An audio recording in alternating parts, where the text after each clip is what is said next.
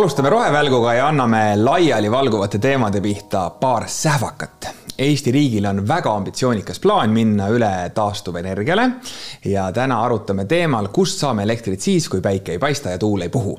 stuudios on meil Kristi Klaas, eh, Riigikantselei rohepoliitika koordinaator, siis on meil Maarjo Vee, energiasalvest, elektromehaanika projektijuht ning Lauri Ulm, Enefit Green, tuuleenergia arenduste valdkonna juht. tere!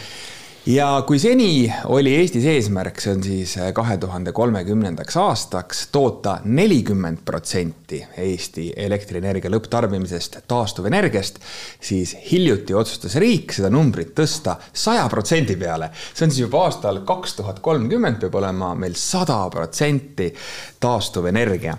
Maarjo, kas päikese ja tuuleenergiast piisab selleks? tere, ma ütleks niimoodi, et täna me oleme kuskil kolmekümne protsendi peal ja saja protsendini on minna seitse aastat, see tähendab keskmiselt äh, kümme protsenti aastas.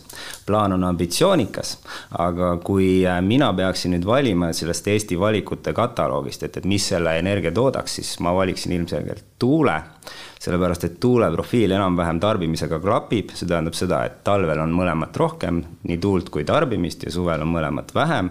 ja lisaks on eksperdid arvanud, et on piisavalt tuuliseid kohti, et seda eesmärki ilusti täita.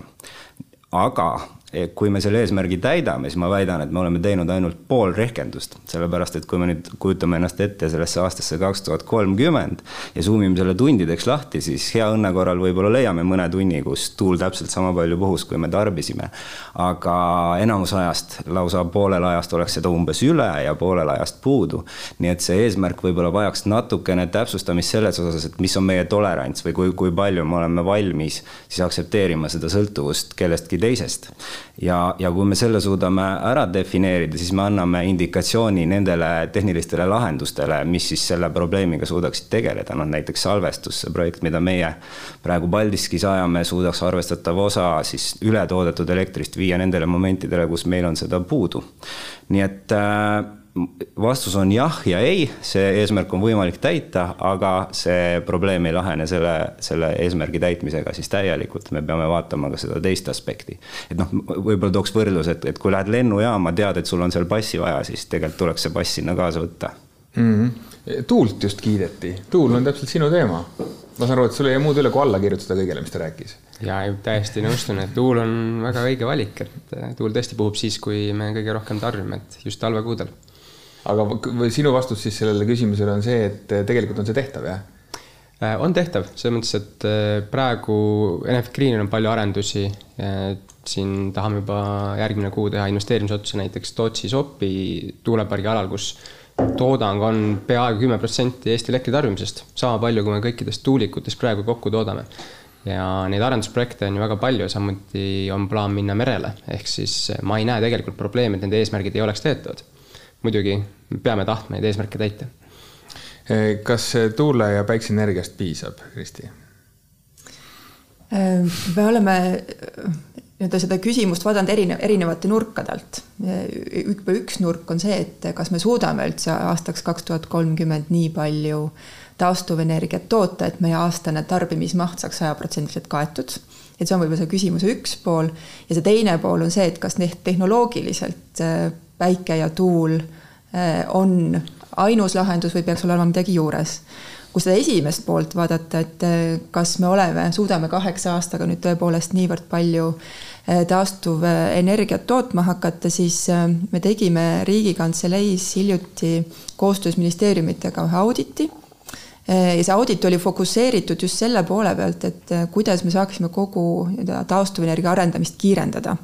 ja seal me analüüsisime erinevaid protsesse äh,, alates planeerimisest, keskkonnamõjude hindamisest kuni siis lubade taotlemiseni välja.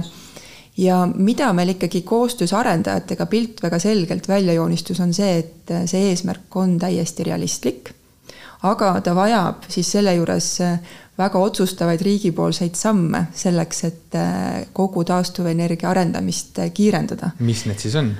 sest kui me praegu vaatame, äh, kui kaua läheb aega selleks, et näiteks üks tuulepark püsti saaks, siis ütleme, see on, ütleme ligikaudu kümme aastat, isegi hmm. osadel juhtub kümme pluss aastat. kaks tuhat kolmkümmend kolm ja kui me mõtleme, eks ole, kui palju muutub tehnoloogia selle aja jooksul või mm., või kui palju on invest-, investorid üldse huvitatud selliste projektide rahastamisest, kus sa tead, et sellel hetkel, kui sa otsuse pead tegema, siis see realiseerub alles kümne mm aasta pärast, siis on nagu keeruline mm. -hmm. see ambitsioon, äh, mis meil on, on ikkagi see, et mitte ainult kaks tuhat kolmkümmend oleks need pargid püsti, vaid nad peaksid olema juba mõned aastad varem, et me ei sihi seda lõpptärminit ja praegu me oleme leidnud väga mitmeid äh, menetlustel lihtsustamise, lühendamise kohti selleks, et see, see eesmärk on äh, selles vaates praegu vaadates küll täiesti realistlik. Ja kui siin eelpool kõnelejad äh, ka viitasid, et mi, mis see siis on, eks ole, et mis see taastuvenergia siis on,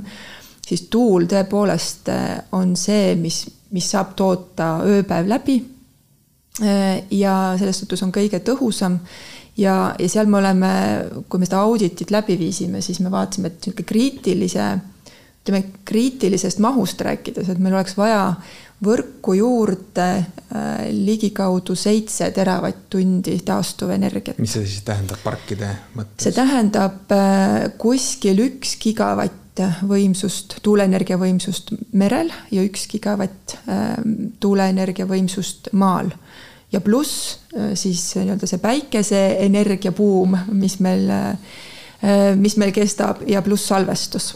et siis see sada protsenti äh, mahtu võiks olla realistlik, et ütleme, Eesti tarbimine, kuskil aastane tarbimine, me arvestame aastal kaks tuhat kolmkümmend on kuskil üheksa ja pool. -hmm aga aidake see vajadus nüüd tõlkida ikkagi parkidesse, keskmise suurusega parkidesse, palju neid siis vaja juurde on? Kümme Tootsi Sopi suurusparki on tegelikult, et äh, kokku siis seitse teravatt-tundi, et äh, seitsesada gigavatt-tundi võiks umbes tulla sealt, ehk siis umbes kümme. et merelt, äh, ühest meretuulepargist saab umbes neli tuhat gigavatt-tundi, ehk see on siis pool sellest juba. et äh, ei ole tegelikult palju, et vaja on siis ühte meretuuleparki tõesti ja kolm-neli suuremat maismaatuuleparki või siis viis-kuus juba väiksemat. ja siis on tegelikult see sada protsenti täidetud ja siis tuleb see sada protsenti äh, jah, ütleme laias laastus täis, eks ju, et meil kokku, me arvestame ka sellega, et elektri tarbimine aastaks kaks tuhat kolmkümmend tõuseb, sest kui me vaatame neid trende, mis praegu turul toimuvad, eks ju, mastaapne elektrifitseerimine näiteks tööstuses, transpordis, selle energiavajaduse katteks on samamoodi vaja seda elektri nii-öelda mahtu, eks ole, suurendada, aga jah, et kuskil üheksa ja pool teravatt-tundi võiks olla aastal kaks tuhat kolmkümmend äh, see elektri tarbimise maht. kas sinu peas on arvutused umbes samad? ja noh, täna kuskil me toodame kümme protsenti tuulest enda, enda tarbimise osast, see tähendaks siis, kui me tahaksime toota noh, valdava osa, siis nii palju, kui me täna tuulikuid näeme, siis korruta üheksaga, siis nii palju näed neid siis mm -hmm. tulevikus. ja noh, hästi oluline see, et, et see, mis me toodame aastas see, see on aastane bilanss, kui me zoom ime tundideks lahti, siis tegelikult poolel ajast on meil äh, vaja seda katta mingisuguse lisavõimalusega, milleks kõige efektiivsem osa on salvesti.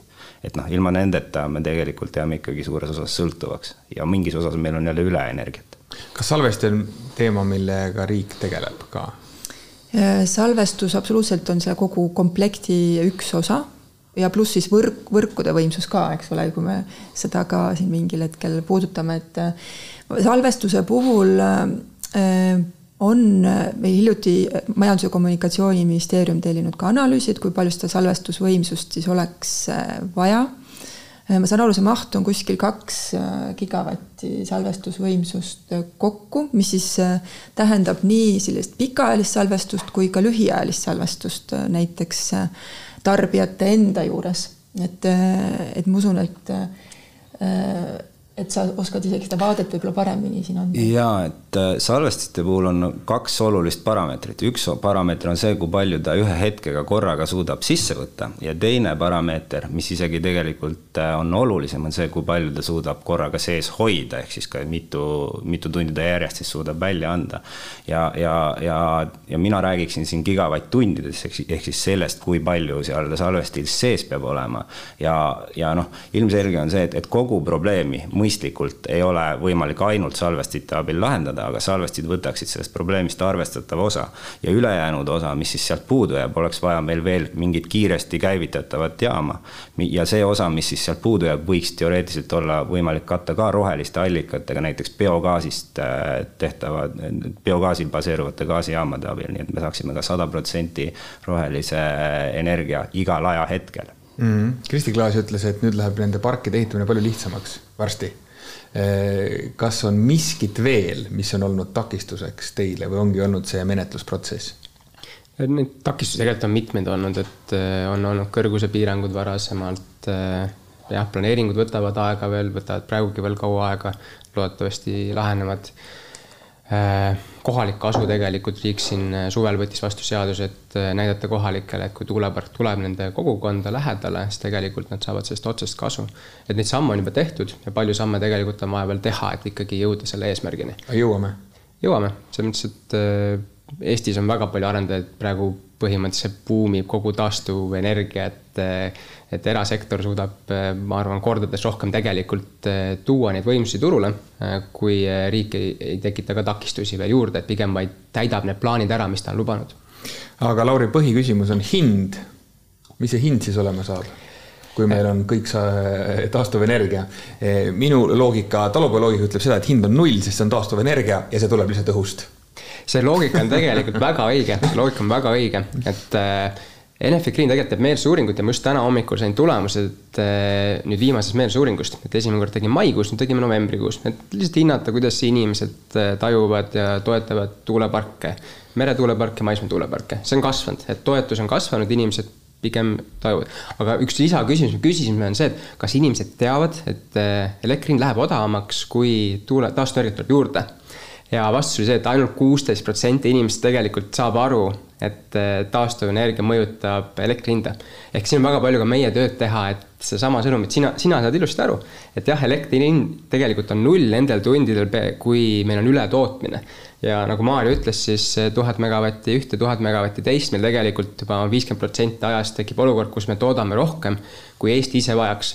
võtame kaablid juurde, teised tarbijad juurde, siis tõenäoliselt elektri hind veel null ei ole aga kui tuul puhub, päike paistab, siis meie tahame selle ära müüa, me oleme nõus pakkuma turule seda kasvõi nullhinnaga. põhiline, et see ära ostetakse, sest me ei saa lükata seda edasi, et selleks ongi meil salvestust vaja. ja ainult kolmkümmend viis protsenti inimest tegelikult teadis, et taastuvenergia on kõige odavam viis, kuidas praegu elektrienergiat toota. et eh, see on ka nüüd meile tegelikult teadmine kommunikatsiooni mõttes, mida me inimestele peame ütlema, et kui tuul puhub, päike paistab, meil on suvekuu ja tarbimist on vähe, siis tõenäoliselt äh, meie elektri hind on lähedane nullile. kas sa julged öelda mõne numbri lisaks nullile veel välja, et, et kui praegu meil on olnud noh, kõik oleme olnud selle börsiga kimpus, nüüd on, eks ole, meil ära fikseeritud ka ikkagi üsna kõrge hind, ma ütleksin, aga ikkagi on midagi vähemalt fikseeritud, siis äh, kui palju selle sajaprotsendilise taastuvenergia puhul see nüüd odavam oleks? Äh, keskmiselt? Ja ma, ma tegelikult kaks aastat, kaks-kolm aastat tagasi seoses oma doktoriõpingutega tegin ise teadusartikli, kus ma siis analüüsingi erinevaid mudeleid ja leidsin et, et üks protsent tuuleenergiat Eesti süsteemis annaks null koma kolm euri võitu siis keskmisele hinnale. Ehk sada protsenti võiks olla, keskmist hinda vähendada kolmkümmend eurot. Aga see oli enne meil Covidit, enne meil siin sõda Ukrainas, ehk praegu on olukord täiesti muutunud, neid sisendeid muutunud on väga palju et äh, alles hiljuti, kümme päeva tagasi Riigi Kinnisvara tegi ise rohehanke, tahtis teha pikaajalisi elektrimüügilepinguid kakskümmend viis kuni kolmkümmend viis aastat. ja ütles, et tuuleenergia maksimaalselt saab pakkuda nelikümmend eurot megavatt-tund. pakkujaid ei tulnud, sest äh, turuosalised usuvad, et hind on kõrgem kui nelikümmend eurot. aga ma ise usun, et äh, ta ei ole nüüd oluliselt kõrgem, võib-olla kaks korda kõrgem veel sellel perioodil, aga mida aastad edasi tegelikult hakkab ta minema alla et kaks tuhat kolmkümmend aastal ma ise usun ikkagi, et me oleme tagasi normaalsuses, kus meie elektri hind, eh, ma ütlen nüüd mu isiklik arvamus, mul ei ole analüütikat, on seal viiekümne ja saja euro vahel, et eh, mitte üle selle tänases vääringus või siis? tänases, või noh, okei okay,, tuleviku vääringus, et arvestades ka inflatsiooni, et, et ma usun, et inflatsioon ka meil ikkagi peatub siin no. see hüperinflatsioon peab siit lõppema. jaa, kas see rõõmustab sind ja, ja Riigikantselei teisi sinu kaasamõtlejaid, et kas see, kas see on see tulemus, mis te tahate?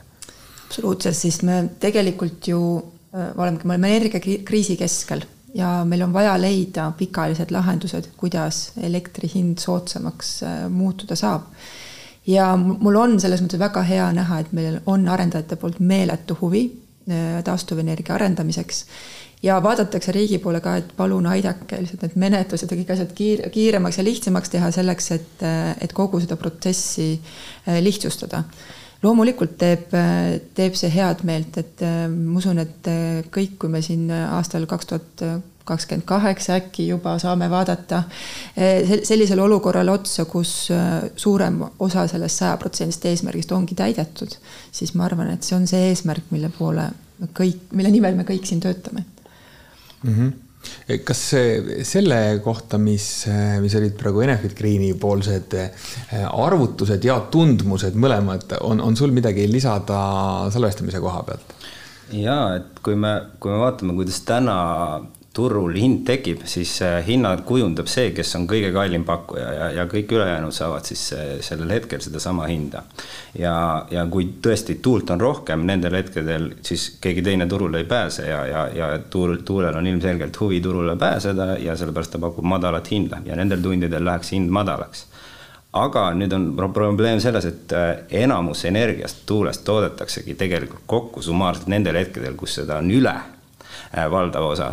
ja, ja tuulemehed tahavad ju ikkagi oma investeeringuid tasa teenida, ega nad seda ju hea, lihtsalt hea pärast ei teeks, see on ikkagi ka äri. ja, ja sellepärast äh, siis küsitakse riigilt täna nii-öelda turukindlust või tulukindlust, noh, me võime seda nimetada flooriks ja need on nüüd need oksjonid, mida siis meie süsteemi operaator välja kuulutab. ja täna noh, on seal öeldud, et kui, kui me kuskil kahekümne ja kolmekümne euro vahele küsitakse siis selles, et isegi kui läheb hind nulliks, nemad saavad börsilt nulli, aga kui nad toodavad energiat, siis nad saavad selle nii-öelda läbi Eesti tarbija elektriarve teistkaudu nii-öelda selle roheenergia tasu kaudu tagasi. nüüd äh, selleks, et tarbija peaks seda hinda kaks korda maksma läbi siis äh, rohe, rohearve, oleks meil mõistlik see ülejääv energia ikkagi salvestada ja viia nendele tundidele, kus on puudu, sest vastasel korral me peame nendel puuduolevatel tundidel käivitama mingisuguse fossiilse või, või mingisuguse kallima jaama, mis äh, jällegi aina tuuleenergia kasvades saab aina vähem töötunde, mis tähendab seda, et, et tema tulu väheneb ja see tõstab neid, seda hinda siis nendel tundidel. aga, aga üldiselt ma Lauri arvutustega enam-vähem olen päri, et, et kuhugi viiekümne ja saja vahele võiks see hind siis selle, selle eesmärgi täitumisel maanduda, juhul kui meil on juures ka salvestus, kui ei ole siis, äh, siis ma ei oska seda prognoosida, sest see, see sõltub lõpuks sellest, et kes on see kõige kallim jaam, keda siis käivitatakse ja neid jaama jääb aina vähemaks regioonis. Eesti, Läti, Leedu, Soome, kõik on täna netoimportijad, tähendab seda, et neil on võimsusi vähem kui, kui neil endal tarbimist on, seda, seda me peaksime kuskilt tulema ja see tendents, et neid juhitavust siis see on aina langemas, see, see osakaal siis nii-öelda taastuva energia osakaal ja juhitamatu taastuva osakaal on aina suurenemas. mis tähendab seda, et see probleem, see volatiilsus kindlasti tekib hindades siis selliselt suurem, et vahepeal on hästi madal ja siis järgmine hetk on jälle hästi kõrge see hind. olete arvestanud seda ohtu? No absoluutselt, selles mõttes, et kui see kogu nii-öelda see pilt, et kuidas kogu energeetika aastal kaks tuhat kolmkümmend kolmkümmend viis välja näeb, seda praegu äh, arutatakse, analüüsitakse energiamajanduse arengukava uuendamise raames. et, äh, et kui vana nii-öelda või nii-öelda jõus olev energiamajanduse arengukava heaks kiideti, et siis ei olnud meil äh, niivõrd suurt ja ambitsioonikat taastuvenergia arendamise eesmärki nüüd on meil see eesmärk äh, alates äh, augustikuust äh, olemas ja, ja sellest tulenevalt tuleb see nii-öelda kogu energeetikapilt kokku panna. aga, aga jaa, et ma võib-olla selle salvestuse koha pealt veel, siis ma just mõtlen ka, et huvitav oleks ka võib-olla see diskussioon, et, et kui palju inimesed ise seda salvestamise peale mõtlema peaksid, et noh, tihtipeale inimesed võib-olla mõtlevad näiteks taastuvenergia kontekstis, et äh, paneme paneelid äh, katusele, aga et kui nüüd mõelda selle nii-öelda selle pikaajalise salvestuse peale, selle lühiajalise peale, et et mis nii-öelda salvestuse poole pealt võib-olla noh, need takistused on, et inimesed seda ise tegema hakkaksid. Ähm ma siis võtan vabaduse, et vastata, et äh, kodusalvestuse põhi, saab olla põhimõtteliselt akud ainult, eh, mis, mis baseeruvad jällegi omakorda mingitel ressurssidel, mis on piiratud. et eh, kodus seda salvestada, see on niisugune noh, ma ütleks niisugune nunnu tegevus, aga et seda süsteemi tasemel, et see päriselt olukorda päästaks, on vaja ikkagi, nagu ma rääkisin, seda gigavatt-tundides, seda, seda suuremat salvestusmahtu.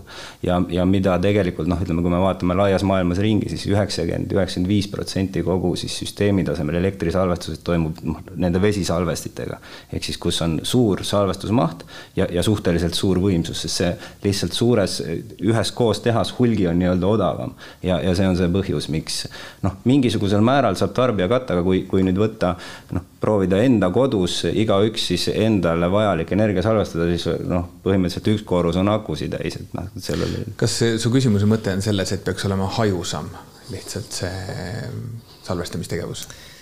Ehm, küsi-, või mis see mõte nagu on see, et eks ju võib-olla sellest, ma ei tea, ühest suurest salvestusest ei jätku, eks ju, et ma kujutan ette, ta on regionaalne, eks ju, et aga kui paljudel mõjutab nagu üle Eesti, siis kui näiteks ühes piirkonnas on salvestus nii-öelda võimsus suurel määral nagu tagatud, on ju. tegelikult see mõjutab isegi mitte ainult Eestis, vaid kogu hinnapiirkonnas, see on siis Soomes, Lätti ja Leetu, et me oleme, me oleme tellinud siis ühe analüüsi, kus siis me proovisime enam-vähem aru saada, et mis oleks selle salvesti mõju olnud siis regiooni hinnale.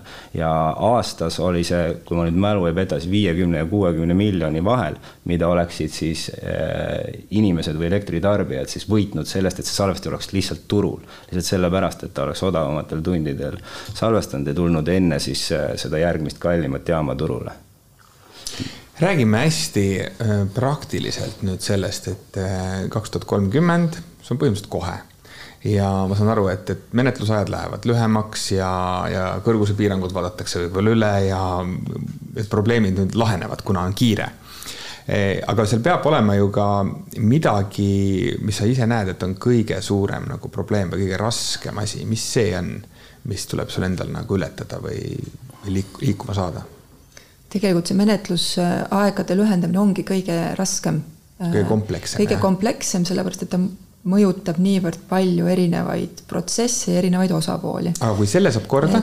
et, et ma ja võib-olla selle ongi, kui selle saab, praegu see siht on see, et selleks, et neid menetlusaegasid lühendada, selleks on vaja muuta õigusakte ja mida me praegu teeme, on see, et Äh, see puudutab kuskil kümmet äh, õigusakti kokku, kus on siis muudatused vaja sisse viia ja, ja ütleme, et esimesed väga kiired muudatused, mis siis aitavad juba neid arendusi, äh, mis on juba kuskil menetlusetapis, need juba saab ilmselt heaks kiita selle Riigikogu koosseisuga enne valimisi.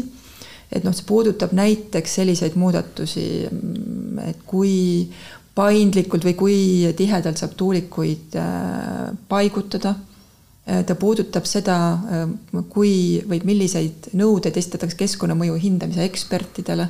praegu on näiteks mureks see, et keskkonnamõju hindamise eksperte ei ole piisavalt äh, saada, mis ka siis omakorda pikendab kõiki menetlusprotsesse, et kui, kui eksperte lihtsalt ei ole.